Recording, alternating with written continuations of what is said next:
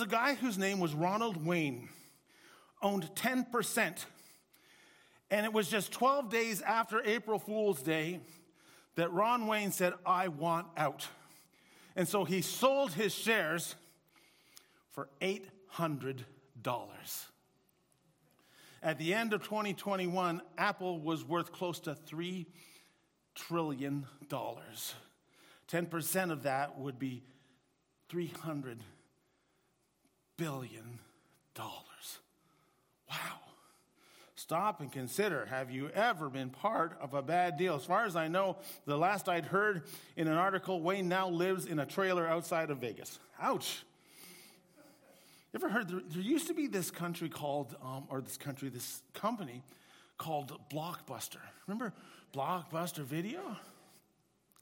They were running so strong, so strong that they refused to partner with this group called Netflix. Coca Cola had a chance to buy Pepsi right out for almost nothing, three different times. As a matter of fact, there was a guy who said, You should bottle this Coke. Coke in a bottle? Are you crazy? You gotta go to the you gotta go to the soda store, the ice cream parlor, the soda jerk. That's that's the only way you can serve Coca-Cola. And so they sold the bottling rights to Coca-Cola for one dollar. One dollar. Isn't that incredible? Incredible. In, um, in 1920, George Herman Ruth was sold from the Boston Red Sox to the New York Yankees. Uh, Ruth had kind of helped uh, the Red Sox win three World Series. It, it was just a matter of fact that they're going to win again and again and again. And so the owner who needed to buy a, a movie theater sold Ruth to the New York Yankees. That year in 1920, Babe Ruth hit 59 home runs. And in the next 84 years, the New York Yankees won the World Series 27 times. The Boston Red Sox won it zero. Known as the curse of the Bambino. Have you ever made a bad deal? Have you ever had that time where you just, it's an important thing to understand the value of things, isn't it? It's true. And so, what is the so what factor of today's message? A lot of preachers ask, so what's the so what factor? And basically, it's this. A lot of times, after a message is, is prepared and I have it on paper, I'll ask the question, so what? So, how does that affect us today? You see, I believe that as Hebrews says, that, that the Word of God is powerful sharper than any two edged sword that, that cuts into the soul of the matter. The Word of God is not irrelevant, it resonates in our lives today. It should speak to us where we are today. And the Word of God and the things that we preach should be the Word of God and not our opinion. What I should be telling you is not what I think. What I need to be telling you is what I know because the Word of God says that it is true. It equips us every day, it challenges us in our walk. And so, as we get into the, the, the idea of Jacob, you can't talk about Jacob unless you talk about his brother Esau. Now, last week we learned that Jacob was kind of known as the deceiver or the grabber, and, and, um, and God had promised him someone, but it wasn't good enough. He had to grab for everything. He had to try and climb over, and the selfishness was in his life. And, and his life is the story of going from Jacob, the grabber, to Israel, the one who strives with God. But what about his brother Esau? What do we learn from his life? What is the so what factor of Esau? Well, let's, uh, with that in mind, turn to Genesis chapter 25. I'm going to be starting at verse 27. Last week I was a little bit earlier in the passage. But let's go to Genesis chapter 25, verse 27. We kind of know from last week that they were kind of fighting quite a bit in the womb even. And one uh, jacob comes out grabbing his heel and, and esau he's all hairy and he's red. And, and, and, and so it says in verse 27 the boys grew up and esau became a skillful hunter a man of the open country while jacob was content to stay at home among the tents. Isaiah I, I sorry isaac who had a taste for wild game loved esau but Re- rebekah loved jacob. And once Jacob was cooking some stew, and Esau came in from the open country famished. He said to Jacob, Quick, let me have some of that red stew. I'm famished. Jacob replied, First, sell me your birthright. Look, I'm about to die, Esau said. What good is the birthright to, birthright to me? But Jacob said, Swear to me first. So he swore an oath to him, selling his birthright to Jacob. Then Jacob gave Esau some bread and some lentils. So I guess the bread was for free. He ate the, and drank, and then got up and left. And the key passage here is the last thing, the last statement that is made. So Esau despised his birthright. If Scripture gives us an example of a person who did not understand the value of things, it was Esau. Jacob means grabber, deceiver. Esau means hairy, based on the way he was born. He was hairy and he was red. Uh, many people who are authorities in the medical field, as they look at the story of what was happening with Jacob and Esau, recognize that this probably could have been a, a, uh, a scenario that happens amongst twins, something which is potentially dangerous called trans, uh, transfusion syndrome, where they, they share the same uh, sac and they fight inside because there's no womb, and then, and then one gets more of certain nutrients than the other does, and it's potential very, to potentially a very, very dangerous thing. And it's kind of, it's kind of interesting as you, you look at things. The tragedy of Esau, it says, is that he despised his birthright. He, it wasn't just an inheritance, it was the fact that he, he not only it wasn't just a financial thing, it was a faith thing as well. And he becomes the father of the Edomites. And um, something that God had given him, he just kind of threw away. So, the what factor is, is that sometimes we need to understand what the most valuable things are. And we're left to ask ourselves this Are we Esau? Is Esau in us? Now, the word despised, a lot of times we think of the word despised, right? That means I just hate it. I just despise that guy. He's just despicable. I don't like him at all. It's like a hatred. But this particular word in uh, the Hebrew language doesn't worthless. To see something as garbage. And so when it says that Esau despised his birthright, it basically says he just treated it like it was garbage. And, and, and that's a terrible thing to do, to regard something as worthless. It's kind of like taking a Mickey Mantle rookie card and putting it in the spikes of your bicycle, right? Or, you know, for those of, those of you who are younger, it's kind of like taking a Connor McDavid rookie card and putting it in the spikes or the, the spokes of your bicycle or, you know, the Boston Bruins Brad Marchand rookie car, putting it in the spikes of your wheel. Or, well, I tried to think of a Winnipeg Jet, but there wasn't anybody good enough to make the, the illustration worth it. Sometimes the biggest tragedy is failing to comprehend what we have, to trade eternal wealth for temporary stew. Do we do that? So, as we take a look at Esau, and if you give me a few minutes, I want to show you Esau in three different ways. I think the tragedy of Esau, first of all, was that it deals with with lost faith. It represents uh, people who are presented the gospel and they reject the offer. They're the ones who are given a gift and say, No, thank you, I don't want it. Like the gospel is good news. The gospel is the fact that we are locked in our sin. We don't have any kind of hope of redeeming ourselves from God. There is a, there is a lost eternity in our scenario. The only hope we have is when Jesus comes, dies on the cross, pays for that sin. That's why it says, For God so loved the world that he gave his only begotten Son, that whosoever believes in him will not perish, but have everlasting life. We've read the verse. But if you look at the first part of John, John 1, verse 12, it says, But as many as received him, to them gave he power to become sons of God, even to those who believe on his name. It's a birthright. It is a spiritual birthright that we have if we accept it. And Esau firstly represents everyone who hears and comprehends the gospel and says, No thanks. I says, Well, that's interesting, but I don't believe it. Either that or I believe that, but I believe a whole bunch of other things. So, no, I'm not going to accept this gift. Or I'm going to accept this gift, but I'm going to kind of let my life be lived a little bit longer. I'm going to kind of wait till the end, and if possible, at the end, I think that's when I'm going to accept the gift. Or it's to those people who figured that even though it's a gift, that for some reason they think they still need to earn it. I still got to work hard. I still have to do everything I can. I have to earn salvation. And of course, we know the scripture doesn't say that. And it's a re- rejection of God's generosity, and it's a, it's a rejection of the escape plan, and it, it represents your neighbor, and it represents some of your friends, and it represents a large part of our world today, doesn't it? People who turn their back on their eternal destiny. That's why Hebrews says it is appointed once to die, and then the judgment. That's why it says also in Hebrews, How shall we escape if we ignore such a great salvation? It's like what Paul says in 2 Corinthians chapter 6, verse 2. Today is the day. Today is the accepted time.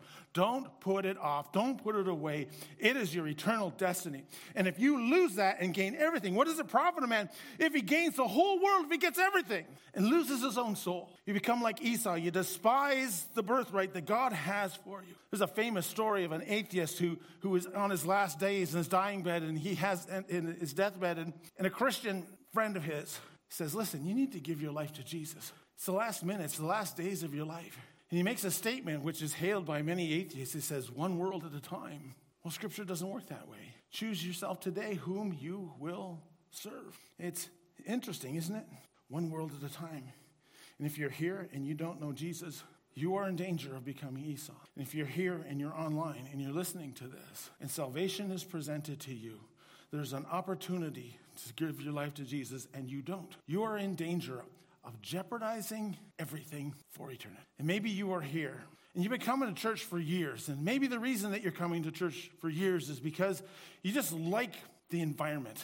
I like being in a, a moral environment, but you know full well that you haven't accepted Jesus. You are putting yourself in jeopardy of losing, or maybe you're here and, and, and you come and you, you enjoy the services and you come because your spouse comes. And, and you agree and you're not going to want to do anything to, to um, hinder her beliefs or hinder his beliefs but still you're sitting here and you sit every week and you don't know jesus. And every week goes by where there's an opportunity to accept jesus. And you say i think it's good for my wife and i think it's good for my husband. I don't know if it's good for me. So i'm going to sit here and not accept jesus. What a tragic thing. Don't become esau. He's seen and it deals with lost faith. But not only do I think it deals with lost faith. I believe also it uh, deals with what we call, I'll call it inherited faith. That it has to deal with a little bit more than that. I can't help but take a look at Esau's story and realize that he had a privilege that he never ever realized. That he grew up in a family that honored God with his father Isaac, with his grandfather Abraham. No doubt he was given a code of living that was with his grandfather Abraham. An incredible thing where God comes down and he goes through the, the sacrifice, walks through the sacrifice. I'm sure it was told to him a number of times. Not only that, he probably heard about the fact that his dad was born when his granddad was 100 years old. It's an incredible story of how God had moved. And not only that, there was a time up in the mountain where God provided the sacrifice for Isaac. I'm sure that he heard that. I'm sure he was told that God has a special relationship with our family where he is going to produce a lineage which is huge. All those things that were given to him. And despite all these things were there, and the fact that he probably lived under the umbrella of a blessed life, he still says, Jacob, for all of his conniving, for all his underhandedness, still understood what it means to be blessed by God. He understood the fact that there was a blessing, he understood that he needed God. Whereas um, Esau lost sight and became accustomed to a faith that he lived in and did not see the value of it. And Esau represents those people many times who grew up in the faith, became so accustomed to it that they lost sight. Scriptures go on to say that he goes on to marry two women that were outside of, of uh, what his parents wanted, and he turns even further away from God.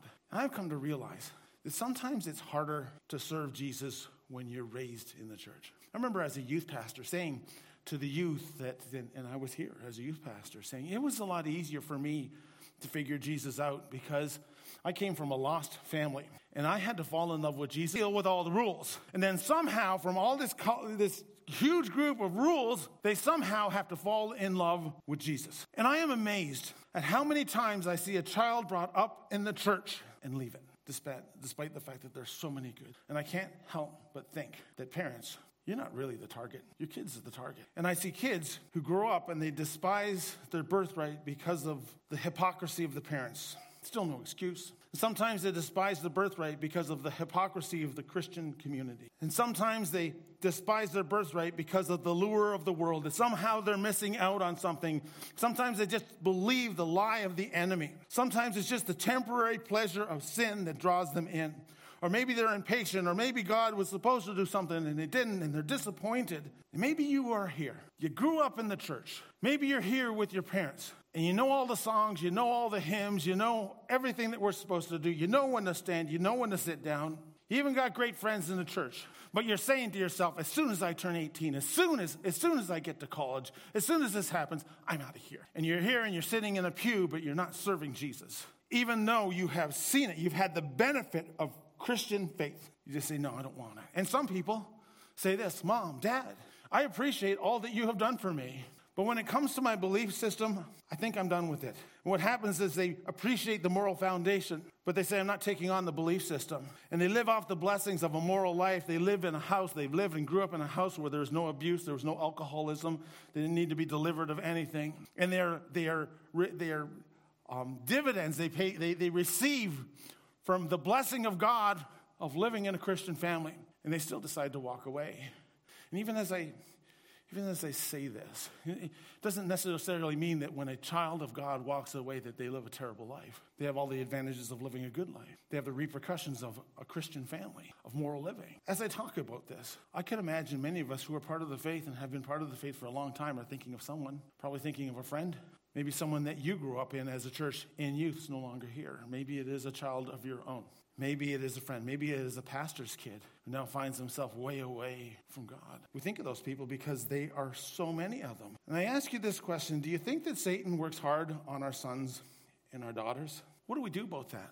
Like, I've heard that there is a parents of youth prayer meeting which is happening where they're going to kind of meet on Friday nights. I think that that's absolutely wonderful because you're going to be the one, parents, who is going to be praying for your kids. You may not be the expectation that everyone's going to be praying for your kids. I'm hoping that people are. But ultimately, at the end of the day, if you're not, how do you expect other people to? Well, Pastor, you should be starting a youth prayer meeting. Well, actually, I do attend two prayer meetings. I can't be at every prayer meeting. It would be a tragic thing that if the pastor is at every single prayer meeting, because there probably should be more than two. But there should be a time where parents begin to stand up and say, you know what? We need to pray for our kids.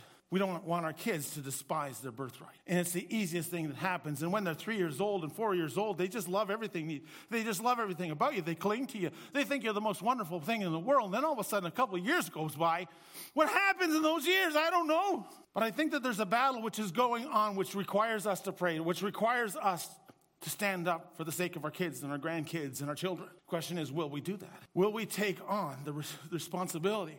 And as we have kids that are going off into college and they're being taught in college, if you're starting to pray just as they go into college, don't you think that's a little bit late? Because they're going to be challenged. We need to be praying for our kids that they don't lose, they don't despise the birthright. And I remember when I was going into college and all those, those, those, years that there were a lot of temptations. But as I think of all the things that have advanced in our society, how many more things that there are to draw our kids away. Let me just remind you again you probably are not the target. You might be the target a little bit. God's not aiming for you, He's aiming for your kids, He's aiming for your grandkids. I think it's time that we stand up with so many temptations. I believe that God has a heart for the prodigal. I think God is calling us to continue to pray for those who are in our midst who have children that are lost. And many times, what happens is when we pray for our children that are lost, they go down before they go up. That's kind of the thing with the prodigal, wasn't it? He went down before he went up. Sometimes we need to pray for our kids to get into the pig pen before they begin to get out. I don't know, just saying. Just seems like a right thing to do. One of the biggest tragedies of Esau was not so much that he gave up the birthright, but he gave up the birthright when he was in an environment where he had everything going for him. The tragedy of Esau was an issue of faith, it was an issue of inherited faith. But lastly, I think that the issue of Esau was that it dealt or dealt what I will call compromised faith. You know, it is easy to see Esau in other people. You find that? Yeah, that's right, Pastor. Those people who don't know Jesus, they're Esau. That's right, Pastor. Those people who once knew Jesus in the church and have walked away, that's Esau. But when I start to say that you are Esau, it gets a little bit more difficult. Well, how do you see that? You know, I'm, I'm living a pretty good life. But every time you sin, every time you choose sin, you are choosing the temporary, I want to have it now, over the eternal we become Esau more, Esau more times than we think. Hebrews chapter 12, verse 15 says this. He says, See it that no one misses the grace of God and that no bitter roots grows up and causes trouble and defiles many. See that no one is sexually immoral or godless like Esau, for a single meal sold his inheritance rights as his oldest son. It's interesting. When Paul talks about Esau, he's associating it with with sin. The overriding principle is that. He says there are the temporary, short lived things that we get right away, and we trade that for things of eternal Every time I choose sin over serving Jesus, I'm cho- choosing bean soup over my birthright. Every time we think of having that affair, every time we get into whatever drug or whatever drinking we're doing, every time we're gambling at the casino, every time we are gossiping, every time we are tearing down others, every time we're practicing unforgiveness, every time we choose to view those images on the internet, every time we cheat on our exams, every time we cut corners at work, every time we cover whatever na- we have of our neighbors, it is all bean soup. How many times have we seen people blow it all over something which was just small? And it is Esau's response that is funny. He says, I'm about to die. I'm so hungry, I'm about to die. Well, he wasn't about to die, but he certainly was at a point where he was hungry. I think the thing that we pull from that is if you have to choose between giving up your birthright and being hungry, it is better off being hungry. Sometimes we think eternity is so far away. I've never ever been there. I've never been to heaven, even though I know that it's real. But what I'm living in is in here and now. And whether we like it or not, our behavior ultimately review, reveals our beliefs. I came across the quote. Let me just read it for you. It says, Beware the tendency in all of us to be like Esau, to value only what satisfies you now. He despised his birthright by putting a garage sale price tag on it. Our human nature drives us towards satisfying ourselves at any price. We suffer from the overwhelming bent to care nothing about what God says is valuable. And Satan just constantly puts some immediate pleasure before us. And we have to choose whether we're going to be obedient to God or choose the quick lentil stew. Happens all the time. And Satan continually whispers, What is it worth to you? What is it worth to you? But those are the times we have the greatest potential for growth. And even though we serve a God who is a loving God and a graceful God, whenever we continually choose sin over eternal life, it affects us. What is the bean soup that you are entertaining? Wow, lots to hear. That's the so what factor of Esau. To place proper value on the things that are extremely important to us. You only have one soul, you only have one opportunity. Amen. Thank you for taking the time to listen. Let's continue the conversation online.